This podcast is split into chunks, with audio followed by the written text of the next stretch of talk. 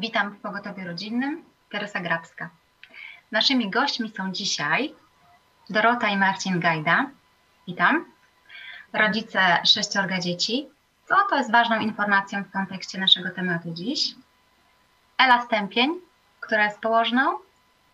Dorota Zięba, młoda mama. I Małgosia Kubicka-Frączek, lekarz. Naszym tematem jest dzisiaj sytuacja demograficzna w Polsce. W internecie na Medonet pani Monika Mikołajska zamieściła artykuł pod tytułem Mamy najwięcej zgonów i najmniej urodzeń od II wojny światowej dramat. Czytamy tam.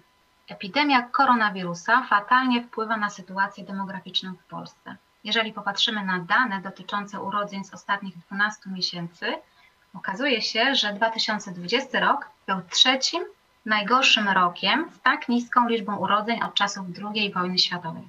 Jak niską? 355 tysięcy.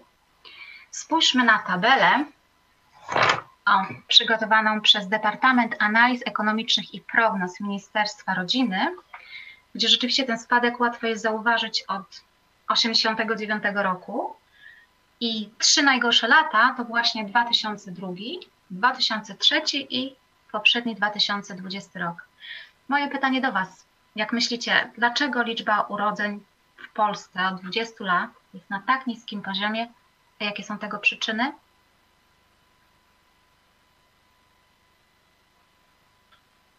To jeśli, jeśli mogę.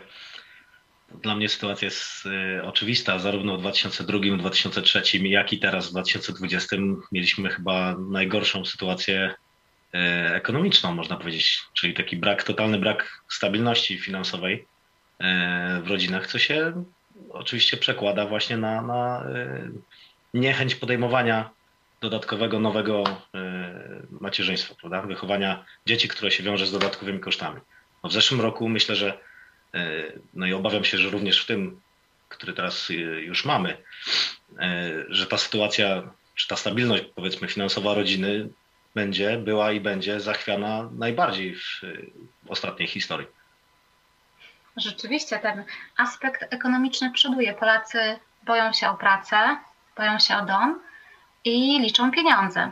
A jeżeli nie liczą, to zaraz nas nakierują, ponieważ w internecie można znaleźć wiele opracowań, które wyliczą, ile kosztuje dziecko. Dowiemy się, że dziecko kosztuje nawet nienarodzone, bo zostanie policzona opieka nad mamą, nowe rzeczy, witaminy, policzą się e, wyższe y, opłaty za prąd, lekarz. Czyli informacja do nas przychodzi, że dziecko jest drogie, zwłaszcza to pierwsze. Dorota, ty urodziłaś w styczniu swoją córeczkę. Powiedz, czy trudno jest uzbierać na wyprawkę? To znaczy, akurat y, my mieliśmy wielkie wsparcie od, od mojej rodziny, więc e, bardzo dużo rzeczy dostaliśmy. I tak naprawdę bardzo mało rzeczy musiałam kupić, y, ale dostępność rzeczy y, dla dzieci jest bardzo dobra. Wszystko można gdzieś zamówić, kupić. Także e, ja akurat z mężem nie wydaliśmy e, na wyprawkę bardzo dużo pieniędzy, także z tego się cieszę akurat.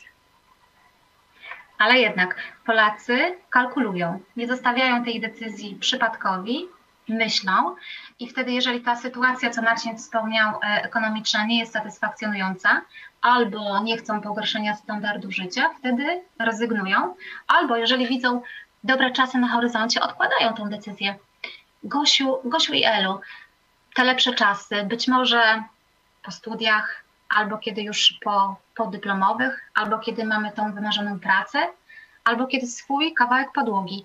Ile można czekać z taką decyzją, jeżeli chodzi o kobietę i co się dzieje, kiedy się spóźni? No, y, rzeczywiście macierzyństwo, y, jak obserwuję w mojej pracy, bo pracuję jako położna środowiskowa, E, najczęściej planują dziewczyny, bo planują, bo takich przypadkowych jest bardzo mało e, przypadków, że tak powiem, a planują koło trzydziestki, czyli kiedy już skończą studia, mają pracę i później jeszcze chcą utrzymać tą pracę, chcą jakieś doświadczenie zdobyć i tak e, najczęściej 29, 30, no i po 30. Bardzo dużo młodych, znaczy mam, które mają pierwsze dzieci, młodych mam, to, to około 30, nawet, nawet i po 30. Także rzeczywiście odciągają tą decyzję o dziecku. To nie jest taka, y, jeżeli to jest świadome, planowane macierzyństwo, a z tym spotykamy się coraz częściej, E, to jest to taka, no, jeżeli chodzi o, o, o decydowanie się na ciążę, na rodzicielstwo, to, tak, to takie, takie, jak to się mówi, stare pierwiastki, można powiedzieć, około 30. No, no, że, tak. e, no i później, skoro zaczynają e, późno, no to decydują się potem jeszcze czasami, no przeważnie na, jest to dwoje dzieci. Wielodzietnych rodzin przynajmniej tam, tu gdzie ja pracuję, w moim terenie jest wielodzietnych. Troje to nie jest wielodzietna rodzina na przykład, ale, ale większych rodzin jest mało. Przeważnie to jest dwoje dzieci. No. I od wielu lat.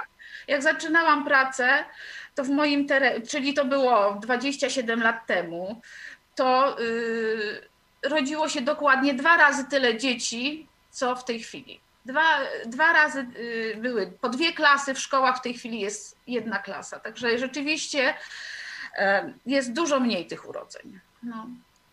Gosiu, ty chciałaś coś dodać? Odkładanie rodziny w ogóle w czasie to jest taki problem, który nie pojawił się teraz. To już jest, y, no myślę, że ze 20 lat, gdzie widać mm. coraz y, bardziej to.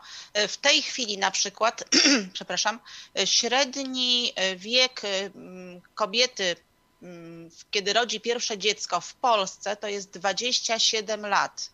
Y, to jest dość późny wiek, bo y, zgodnie z takimi standardami medycznymi najlepszy wiek dla kobiety na posiadanie dziecka y, w tej chwili to jest między 20 a 30 rokiem życia, a jeszcze kilkanaście lat temu podkreślało się raczej, że to jest między 20 a 25 rokiem życia. Czyli jeśli w tej chwili średnia to jest 27 lat, to rzeczywiście do tego 30 roku życia z reguły to jest jedno, dwoje dzieci. I e, chciałam też zwrócić uwagę na inną rzecz, mianowicie na to, e, na taką szansę zajścia w ciążę, które w wieku 20 do 30 lat to jest kilkadziesiąt procent, natomiast te szanse rzeczywiście szybko spadają z wiekiem u kobiet.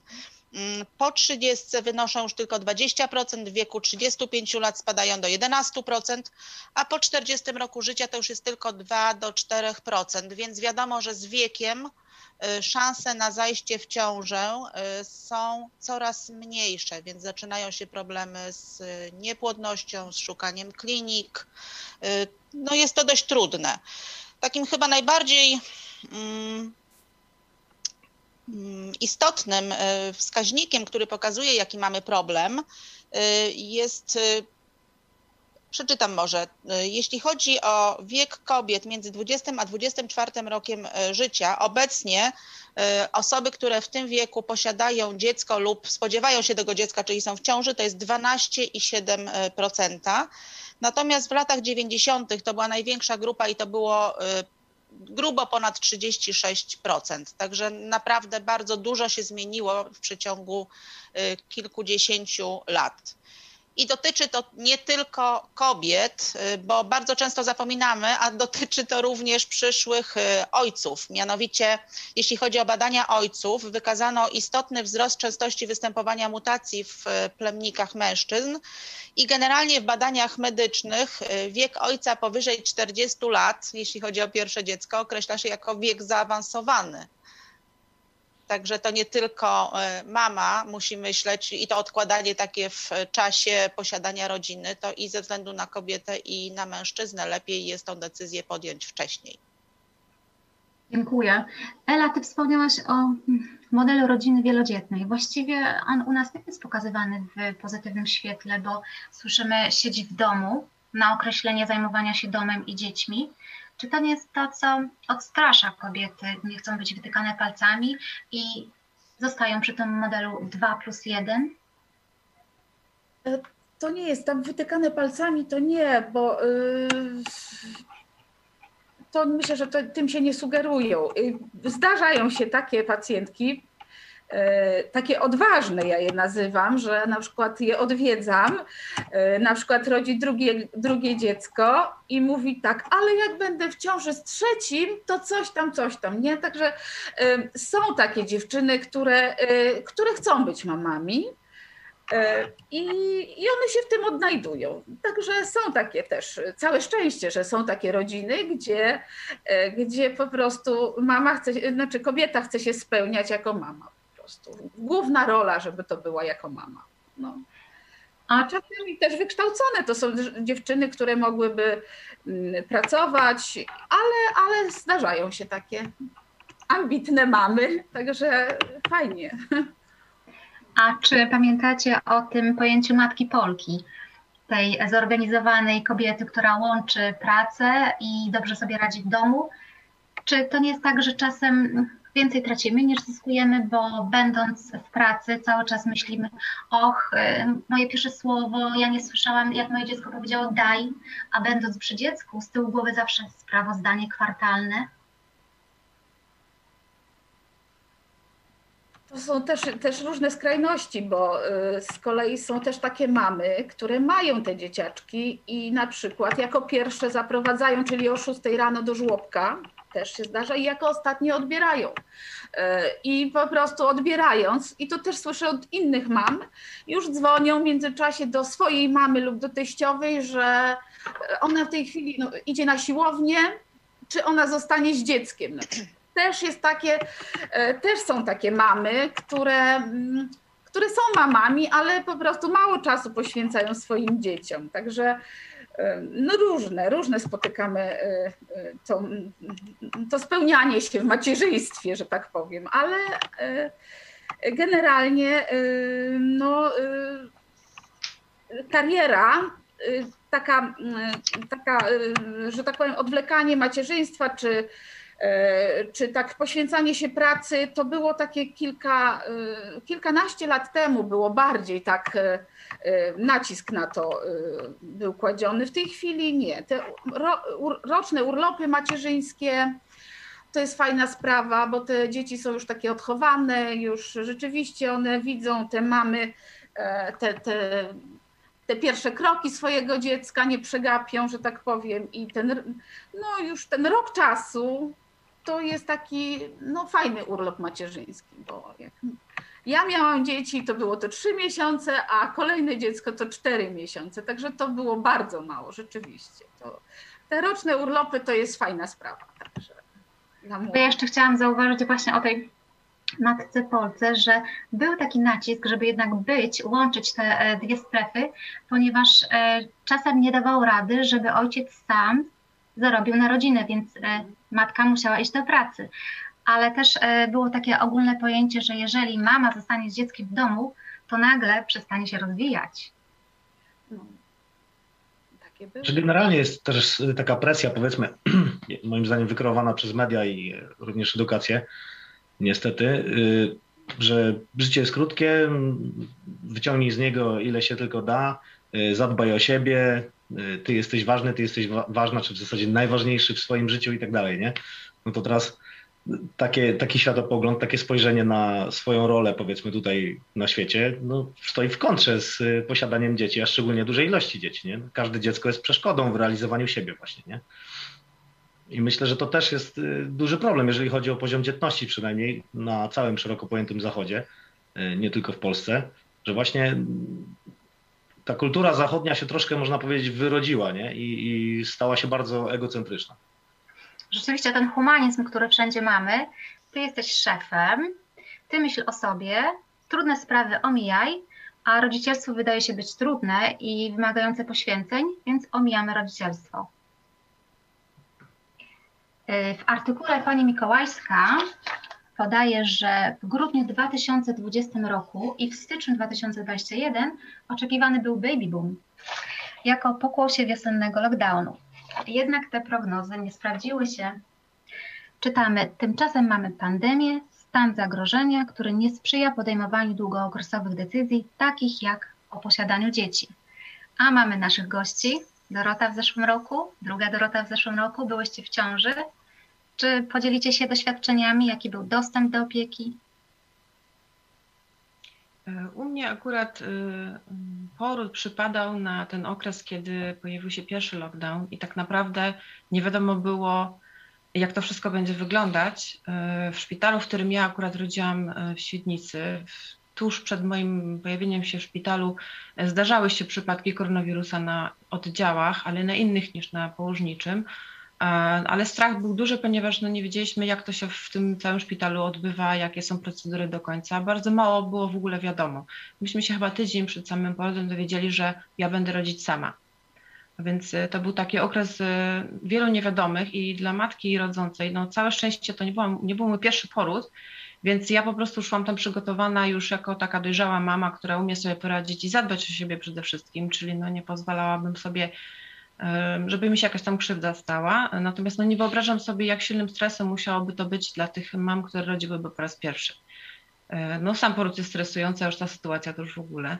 No i jak się okazało na samym już przyjęciu w szpitalu, e, nawet nie wiadomo było, czy my mamy nosić maseczkę, czy nie, jako mamy rodzące. Y, jedni mówili tak, drudzy mówili tak. Testów jeszcze nie było? Maseczki, Słucham? Testów jeszcze nie było, testów nie robili na wejściu. Nie, absolutnie nie, w ogóle nie było mowy o żadnych testach, więc myśmy w zasadzie były przyjęte tak jakby z ulicy, nie robiono nam żadnych badań, personel chodził w maseczkach, my raz mówiono tak, raz mówiono nie, w końcu zostało, że nie e, i w zasadzie czułyśmy się tak jakby nie było żadnej pandemii, poza tym, że personel chodził w maseczkach. Żadnych większych takich y, procedur no bo skupialiśmy się wszyscy już na tym procesie rodzenia. Więc to była taka bardzo dziwna sytuacja. Można było zapomnieć, że jest pandemia. Tak to wyglądało z mojej strony. A czy procedury były przyspieszone, żeby wypuszczać szybciej kobiety do domu, żeby. Yy, tak, o jeden dzień. Jeśli ktoś mógł wejść wcześniej i był w dobrym stanie, to puszczano. No mnie puszczono już po dwóch dniach, czyli to w tą stronę akurat szło, żeby o jeden dzień szybciej. Dziękuję. A ty, Dorota, ty miałaś troszeczkę inaczej właśnie, bo to było twoje pierwsze dziecko. Ja mm, można powiedzieć, że mam takie podwójne doświadczenie, bo e, w połowie mojej ciąży przyprowadziliśmy się, więc e, przez pewien czas chodziłam do innego lekarza, potem musiałam e, pójść do drugiego i też to było nowe miejsce, musiałam się troszeczkę z tym wszystkim zapoznać. Ale jeśli chodzi o opiekę, uważam, że miałam bardzo dobrą opiekę. Nigdy nie miałam, nie miałam takich sytuacji, że nie było wizyty tak samo wybierając szpital, w którym rodziłam, e, wybrałam typowo ginekologiczno-położniczy, także to też mi dało takie e, duże poczucie bezpieczeństwa. Samo to, sam fakt, że dwa, tygodnie, dwa miesiące przed, przed porodem akurat byłam w tym szpitalu, więc mogłam się też zapoznać z tym, jak, jak funkcjonują przyjęcia, jak wygląda praca lekarzy, jak oni dbają właśnie o, o noszenie maseczek, o, o ten dystans, y, więc y, to akurat było dla mnie dobre doświadczenie. A czy już testy mieliście robione przy, przy przyjmowaniu do szpitala? Nie, nie. Akurat, akurat w tym szpitalu y, nie było testów. Na wejściu trzeba było wypełnić ankietę. Elu, ty jesteś położną i teraz na pewno już są wypracowane procedury, a w zeszłym roku jak to było? W tej chwili jest tak, że testy wykonywane są tylko u pacjentek, przynajmniej tu w naszym powiatowym szpitalu, w najbliższym, e, tylko u pacjentek, które mają zaplanowane cięcia cesarskie. E, dzień wcześniej, przed przyjęciem do szpitala, zgłaszają się e, pacjentki na, na wymaz. I jeżeli wychodzi test negatywny, no to są przyjmowane do tego szpitala. Jeżeli pozytywny, to są kierowane do szpitala, który jest jakieś 100 kilometrów, bo najbliższy w Przemyślu albo w Dębicy, tutaj od nas są kierowane dziewczyny, no to jest bardzo daleko, jeżeli jest test wychodzi pozytywny.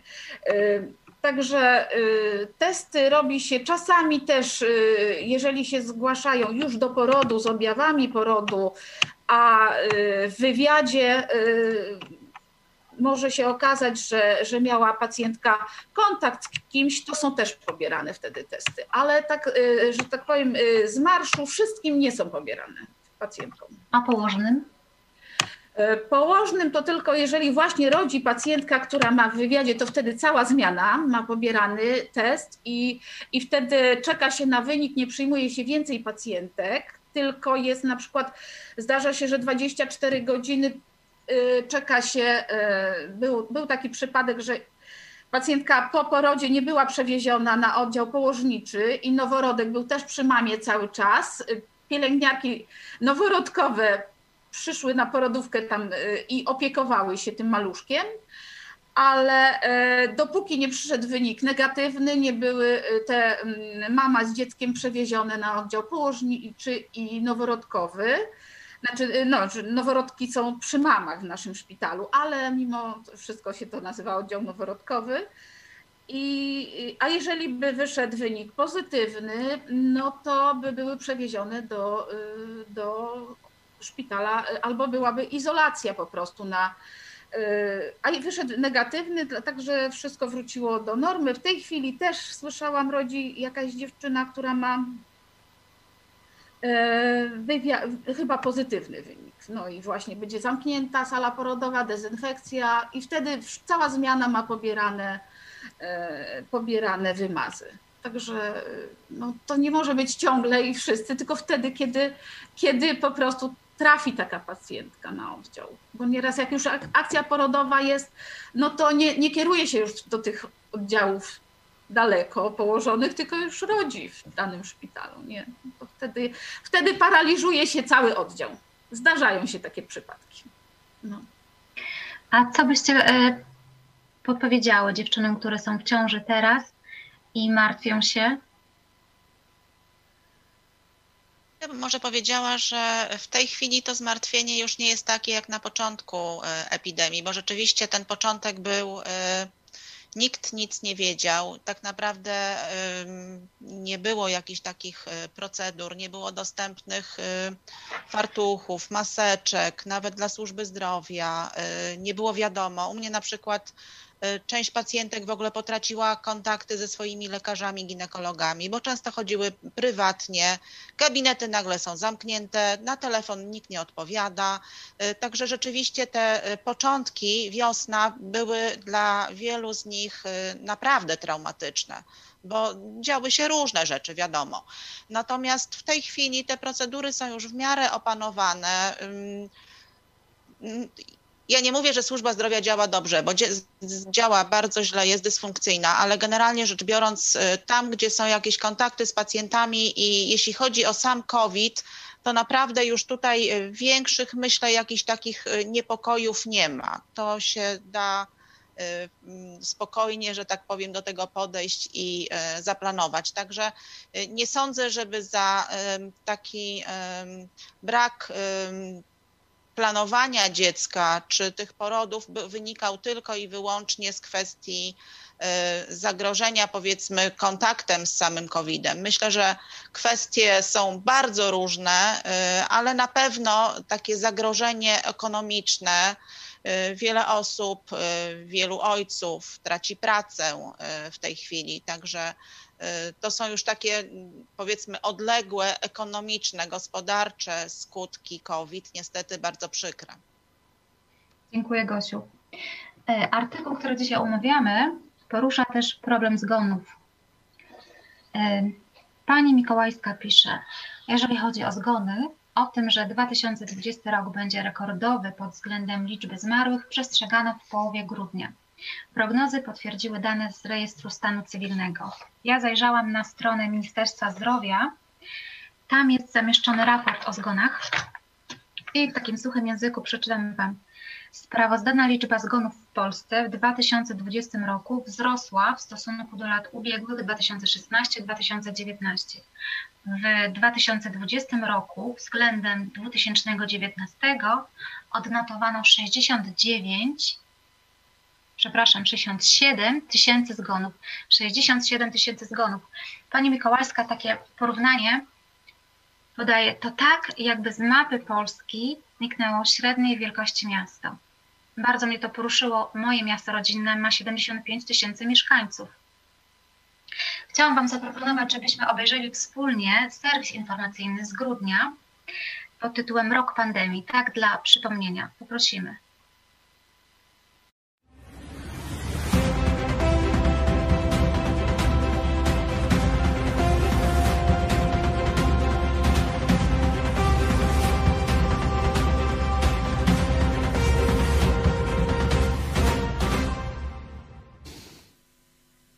Witam Państwa, jest czwartek, 10 grudnia, minęła godzina 19. Ja nazywam się Cezary Kłosowicz i zapraszam na serwis informacyjny Idź Pod Prąd.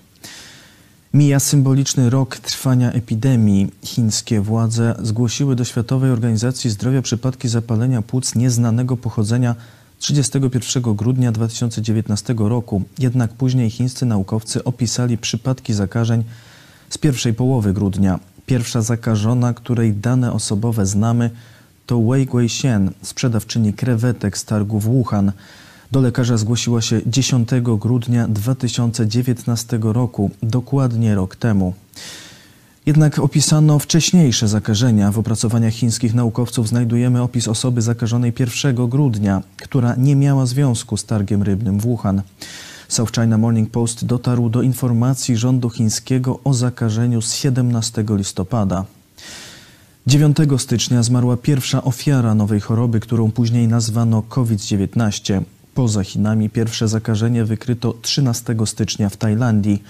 Dzień później Światowa Organizacja Zdrowia ciągle twierdziła, że nie ma dowodów na przenoszenie wirusa między ludźmi. Nie wzięto pod uwagę ostrzeżeń Tajwanu, który o ryzyku przenoszenia z człowieka na człowieka informował WHO już 31 grudnia zeszłego roku.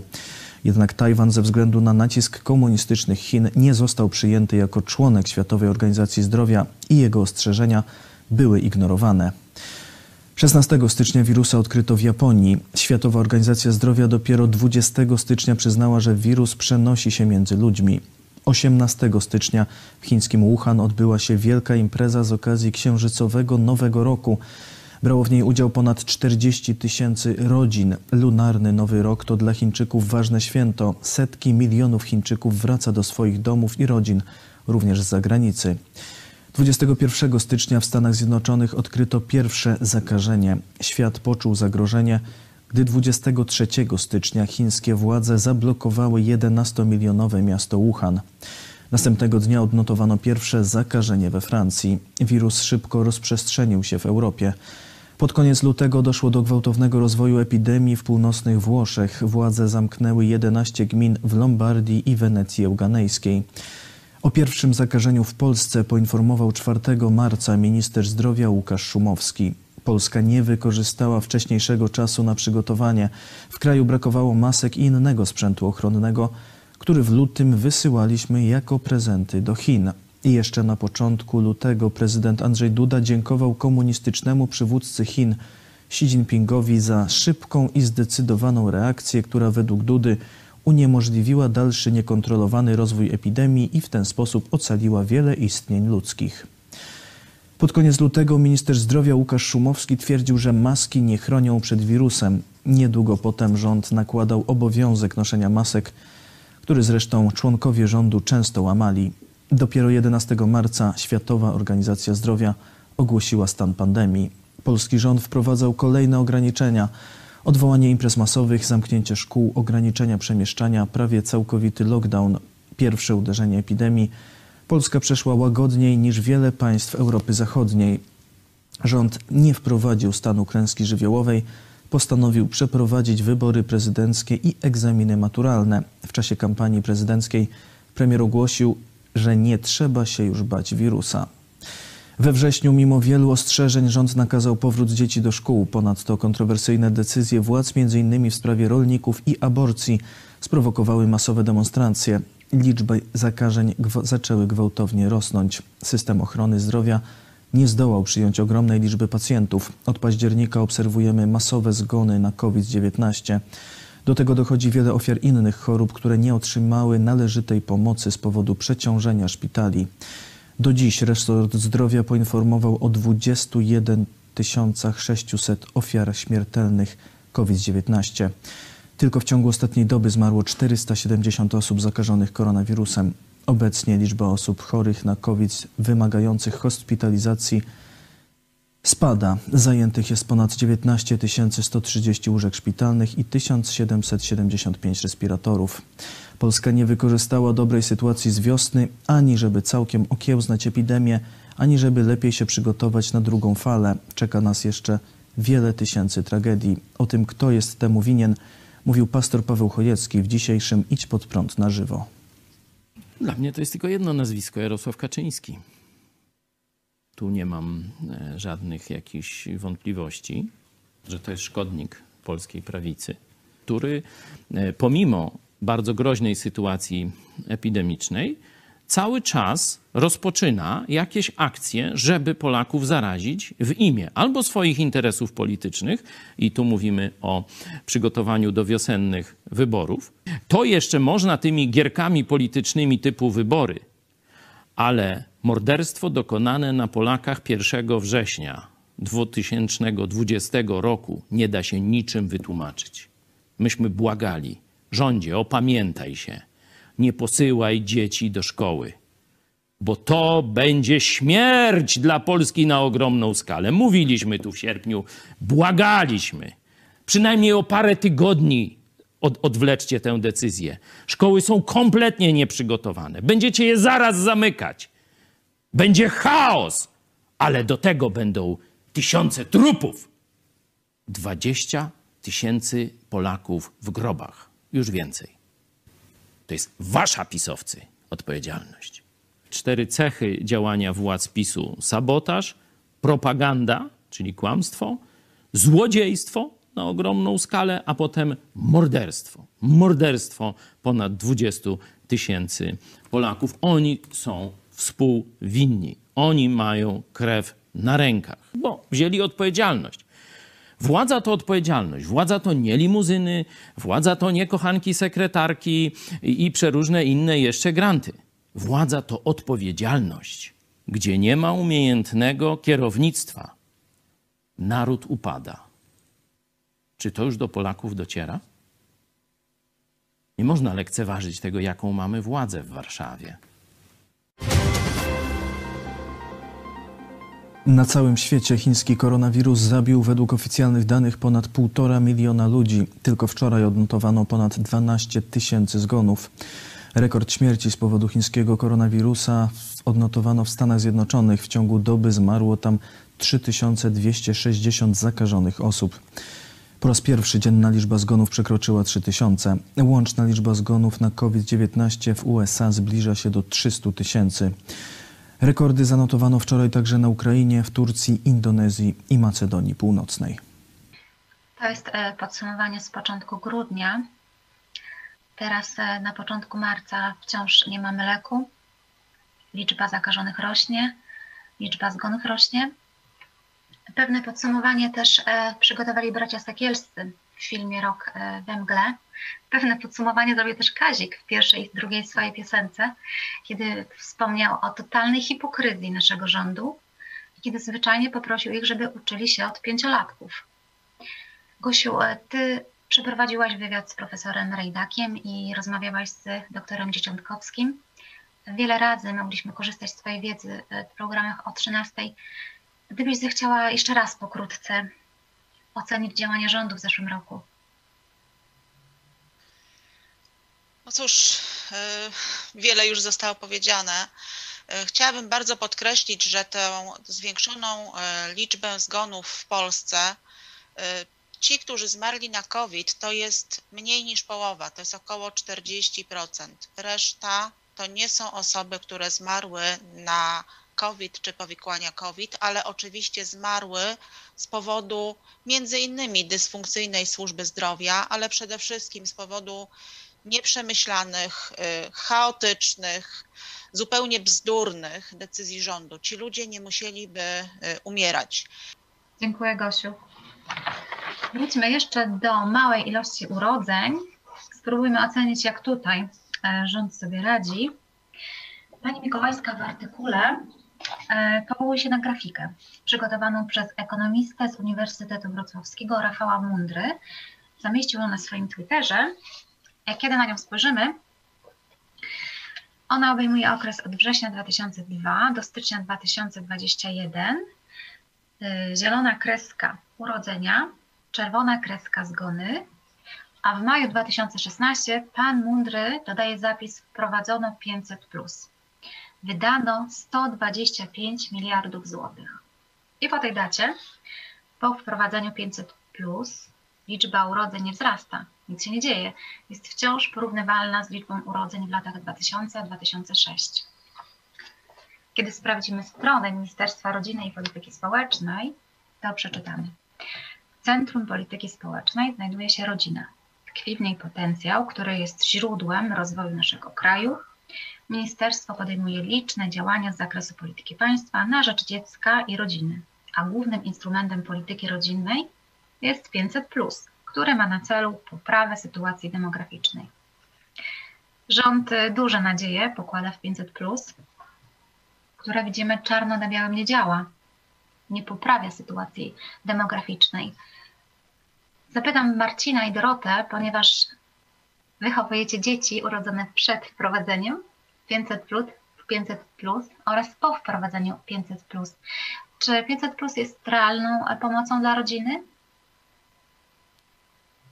Myślę, że ostatecznie trzeba by przyznać, że jest jakąś pomocą, tak jak w tym dowcipie, mieć 500 zł, a nie mieć to jest 1000, nie?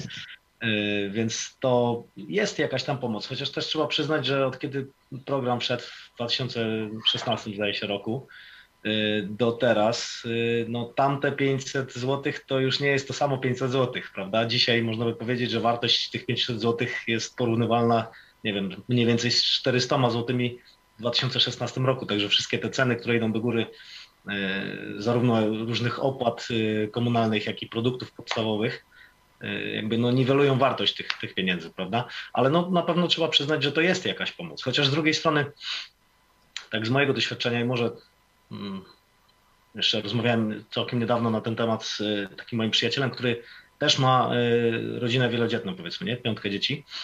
Z tego miejsca pozdrawiam Cię, Piotrze. No i obydwaj doszliśmy do, takiego, do takiej obserwacji, powiedzmy, z dwóch stron, że w momencie, kiedy pojawiało się kolejne dziecko, to za każdym razem Bóg otwierał jakieś dodatkowe możliwości finansowe u nas, prawda? Także on tak ładnie podsumował, że, że Bóg dba, dba o swoje dzieci. No i y, niezależnie od tego, w którym momencie wszedł program 500 i ile dzieci akurat mieliśmy, nasza sytuacja finansowa cały czas się zmieniała, ale za każdym razem, kiedy pojawiało się kolejne dziecko, no, otwierały się jakieś kolejne drzwi, poprawiała się nasza sytuacja. Także ciężko mi tak powiedzieć bezwzględnie, prawda? Jakby powołując się na, nie wiem, statystykę średnią krajową czy coś w tym rodzaju, bo, bo jednak mimo wszystko mam y, spojrzenie subiektywne. Na pewno jest to jakaś pomoc, ale czy to jest pomoc właściwa, czy to jest pomoc, która y, jakby promuje rozwój y, kraju, już nie mówię o samej demografii, ale, ale choćby, nie wiem, poziomu moralnego społeczeństwa, no trudno mi powiedzieć. Myślę, że niekoniecznie to jest najlepsza opcja,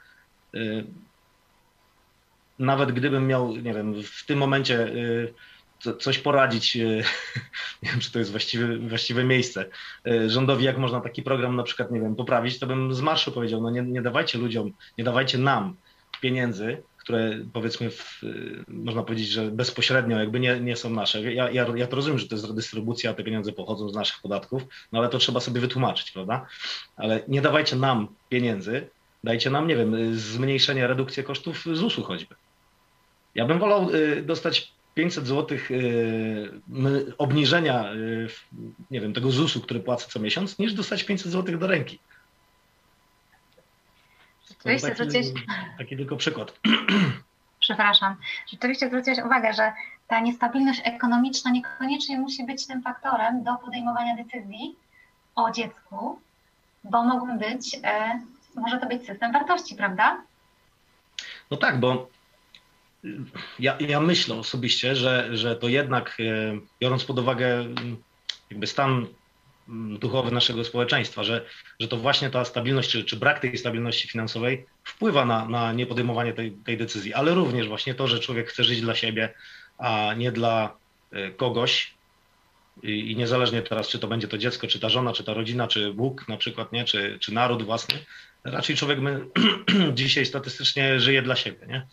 Ale y, to pokładanie poczucia bezpieczeństwa, jeżeli wrócimy właśnie do tego poczucia bezpieczeństwa, czy braku poczucia stabilności, to pokładanie poczucia bezpieczeństwa właśnie w sytuacji finansowej własnej, no to jest też y, bolączka, prawda? Tak jak y, przywołałem tą rozmowę z, z moim przyjacielem, no obydwaj akurat jesteśmy w takim momencie naszego życia, że nauczyliśmy się pokładać tą ufność nie w sobie i w pieniądzach, tylko w Bogu. I, i tak jak mówiłem wcześniej, za każdym razem, kiedy to dziecko się pojawiało, a decyzja o mm, jakby posiadaniu kolejnego dziecka, no nie była decyzją wyważoną w naszym przypadku czysto finansowo.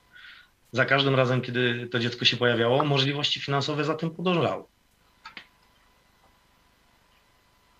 Myślę, że oczywiste jest, że chociażby zmniejszenie ZUS-ów byłoby zupełnie y, innym i lepszym rozwiązaniem, bo każdy wolałby mieć trochę wyższą pensję i sam zarobić, y, a nie otrzymywać, y, no niby to nasze pieniądze, ale w pewnym sensie pomoc od rządu, który czasami nie wszyscy akurat szanują tą władzę i nawet przy urnie wyborczej no, zawsze mają dylematy czy mają y, tak czy tak, jeśli się z czymś nie zgadzają. Y, natomiast ludzie chcą mieć dobre zarobki, chcą stabilności. Wiadomo, że 500 plus żadnej stabilności nie daje, bo dziecko się przecież pojawia na świecie nie tylko od czasu do czasu, na, jak, jak pisma władzę, a inni może zmienią, tylko po prostu już jest, więc to, że dzisiaj i za rok i może za pięć lat to 500 plus będzie, to i tak nie rozwiązuje y, wszystkich problemów.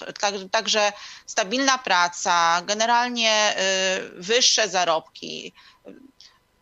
Może jestem taka, y, no nie wszyscy może się ze mną zgodzą, ale uważam, że przede wszystkim mężczyźni powinni mieć wyższe zarobki. To by na pewno też skłaniało kobiety bardziej do pozostania w domu czy decydowania się na dzieci, dlatego że jeśli ona wie, że ten mężczyzna w momencie, kiedy ona zajmuje się dziećmi, y, zarobi na rodzinę i to będą rzeczywiście zarobki, gdzie ja nie mówię o jakichś tam, nie wiem, lansach i kupowaniach nie wiadomo czego, ale żeby to wystarczyło na wszelkie opłaty, na y, czasami wynajmy mieszkania, bo przecież w Polsce naprawdę kupienie mieszkania graniczy z cudem, więc zarobki, które zjadają, zjada wynajem mieszkania, to naprawdę no to nie, nie ma możliwości nawet takiego materialnego e, zabezpieczenia. E, co jest jeszcze ważne? Oczywiście, że ważne jest na przykład e, dobrze funkcjonujący system ochrony zdrowia. To też wpływa na plus, jeśli chodzi o decyzję o posiadaniu rodziny, posiadaniu dzieci. Także uważam, że 500 plus wcale nie jest aż tak dobrym rozwiązaniem, są znacznie lepsze i no, według mnie też Owszem, to była pewna kiełbasa wyborcza, która wyniosła PiS, ale myślę, że też y, zatopi PiS. Rzeczywiście, Gosiu, być może są lepsze rozwiązania. Y, być może Wielka Brytania je posiada, ponieważ kiedy przygotowywałam się do naszego spotkania, znalazłam artykuł, który mówił o Poland's Baby Boom in UK. Podał angielskie wyliczenia na 2014 rok akurat, ale Średnia polska kobieta w Wielkiej Brytanii w tamtym czasie rodziła średnio 2,13 dziecka, podczas gdy średnia polska kobieta w Polsce w tym samym czasie rodziła średnio 1,3 dziecka. Więc te rozwiązania być może są lepsze w Wielkiej Brytanii. Marcin, już próbowałaś poradać e, naszemu rządowi, żeby nie dawał nam tych pieniędzy. Czy wy macie jeszcze jakąś e, podpowiedź dla rządu, co robić, czego nie robić, albo podpowiedź dla Polaków. Być może wziąć sprawę w swoje ręce, nie oglądać się za rząd, na rząd. Ja myślę, że tutaj takim ważnym aspektem, tutaj mówię z perspektywy kobiety, matki, e, która rezygnowała z pracy zawodowej, żeby posiadać potomstwo, to jest e, programy, które są popularne na Zachodzie, wspieranie e, tak zwanych półetatów. W Polsce jest to bardzo niepopularne i niestety to wpływa na te decyzje o dzieciach, dlatego że kobieta ma wybór albo nie pracuje w ogóle, albo musi pracować na cały etat. I też bardzo często to podejście pracodawców jest niewłaściwe, bo już na rozmowach o pracę pyta się o nasze plany rodzicielskie, czy pani ma już dzieci, czy pani planuje, na jakim jest pani etapie, i to wpływa na decyzję o zatrudnieniu danej kobiety. Czyli sama kobieta jako matka jest nieatrakcyjna dla pracodawcy. Gdyby wesprzeć tutaj jakiś program, jeśli już państwo chce to ingerować, E, zamiast rozdawać pieniądze, zrobić, założyć jakiś taki program, który wspierałby właśnie te e, prace czasowe, czy, nie, czy na mniejszy, e, na 7-8 etatu, czy czwarty etat, żeby to było bardziej promowane przez pracodawców i oni byliby w jakiś sposób nagradzani z tego tytułu, to myślę, że kobiety by częściej decydowały się na macierzyństwo, bo miałyby tą pewność, że są z dziećmi tą odpowiednią ilość czasu. Trochę w pracy, czyli mogą podreperować budżet rodzinny, ale też i poświęcają czas dzieciom, a tego dzisiaj po prostu nie ma. No ja myślę, że to jest bardzo e, cenna uwaga, bo rzeczywiście e, to jest bardzo duży problem w Polsce e, i na pewno wpłynęłoby na większą dzietność, bo ja na przykład, jeśli chodzi o Polki, to mam wrażenie, że też bardzo dużo kobiet chce mieć dzieci. Inne problemy są rzeczywiście, tutaj może podkreślałaś Tereska te wartości i to jest rzeczywiście bardzo ważne, bo y, spotykam się z wieloma kobietami, które y, może tych wartości gdzieś tam w młodości im zabrakło i wybierały niemądrze w swoim życiu. Często są to samotne matki albo na przykład po rozwodzie. One nawet miały plany na większą ilość dzieci, na wspaniałą rodzinę, ale po prostu jeśli kobieta rozwodzi się w wieku powiedzmy 28 lat, no to generalnie rzecz biorąc w najbliższym czasie raczej dzieci y, mieć nie będzie. Także jest dużo rzeczy, które wynikają właśnie z takiego y, bardzo liberalnego życia. Nie, nie tylko chodzi mi o jakąś takiej y, powiedzmy mm, niechęci do posiadania dzieci, ale oczywiście, że wszelkie takie dylematy moralne, tragedie moralne, rodziny rozbite y, wpływają też na to, że tych dzieci jest mniej. Y, też jest w tej chwili taka zauważalna wśród może to taki kamyk do ogródka mężczyzn, że, że często to mężczyźni nie chcą mieć dzieci i no wiadomo, że to jest związane z takim naciskiem już obu płci na, na takie powiedzmy wygodne życie, na samorealizację, y, ale y, też spotykam się właśnie z, te, z takimi sytuacjami, gdzie y, z reguły mamy tych swoich synów, który, którzy już mają po 30 lat, bardzo dobrze zarabiają, to nie są kwestie materialne, ale nie chcą y, odpowiedzialności, nie chcą y, zakładać rodziny, nie chcą na razie mieć dzieci. Nie wiem na kiedy to odkładają, ale obawiam się, że obudzą się z ręką w nocniku. Rzeczywiście, tym bardziej, e, że zewsząd pokazywane są nam te koszty, że dzieci są drogie, że rodzicielstwo jest trudne. Ja nawet zauważyłam e, na Facebooku Kena Hama, też e, zastanawiał się o niskiej liczbie urodzeń w Ameryce i ktoś podesłał mu zdjęcie. Nie wiem, czy możemy to zdjęcie zobaczyć. To jest zdjęcie e, z kasy chorych z Wielkiej Brytanii. I właśnie, jest konsola do gry, obok smoczek i pytanie, czy zrezygnujesz z tego w imię tego? Jak można porównać e, pasję do grania do posiadania dziecka?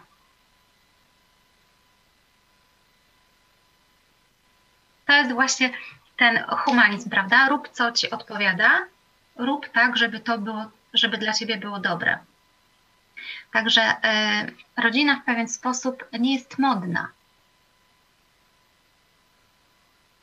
No ja nawet mam taki przykład. Y, mam taką troszeczkę młodszą ode mnie przyjaciółkę. Ona ma teraz około 30 lat, czyli to jest prawie 10 lat różnicy. Ona mówi mi otwarcie, to jest mieszkanka dużego miasta we Wrocławia. Mówi otwarcie, ja nie chcę mieć dzieci, ponieważ lubię moje wygodne życie. I ja słysząc to, a wie ile ja mam dzieci, no po prostu serce mi pęka, bo robi sobie i swojemu przyszłemu mężowi krzywdę. Moje życie jest wygodne i nie chcę, żeby mi dzieci przeszkadzały w nim. I to jest smutne niestety. Rzeczywiście czasem nie przyjdzie nam do głowy, że, że dzieci to dar od Boga, błogosławieństwo i że może to być źródło radości, prawda? Dziękuję za Wasze cenne uwagi. Czy chcielibyście coś powiedzieć jeszcze na koniec? Ja może takie podsumowanie mm, bardziej ideologiczne, czy, czy, czy jaki problem leży moim zdaniem u podstawy. E, my tutaj możemy rozmawiać o różnych parametrach tam ekonomicznych, społecznych, e, o tym, czy coś jest modne, czy niemodne i tak dalej, ale moim zdaniem problemem świata zachodniego, bo to w świecie zachodnim jest problem demograficzny, czyli niskiej dzietności, powiedzmy. Problemem świata y, zachodniego dzisiaj jest to, że większość ludzi w świecie zachodnim zwyczajnie i po prostu pomimo deklaracji nie wierzy w Boga. I tak jak mówiłem już wcześniej, kultura zachodnia się całkowicie, moim zdaniem przynajmniej, wyrodziła. Każdy tutaj żyje dzisiaj już tylko i wyłącznie dla siebie. Teraz, jeżeli to się nie zmieni, to żadne programy tego nie naprawią. Oczywiście sytuacja ekonomiczna, jeżeli będzie lepsza, to ta dzietność wzrośnie, tak jak na przykładzie Polek y, w Wielkiej Brytanii, prawda? w Polsce dzietność 1,3, w Wielkiej Brytanii 2,13, ale umówmy się, 2,13 to nie jest wielka dzietność. To jest ciągle zapaść demograficzna. Czyli sytuacja ekonomiczna tak poprawiła to, ale y, tak czy inaczej y, powiedzmy świat muzułmański czy dale, Daleki Wschód i tak nas czapkami nakryje w perspektywie większej ilości lat.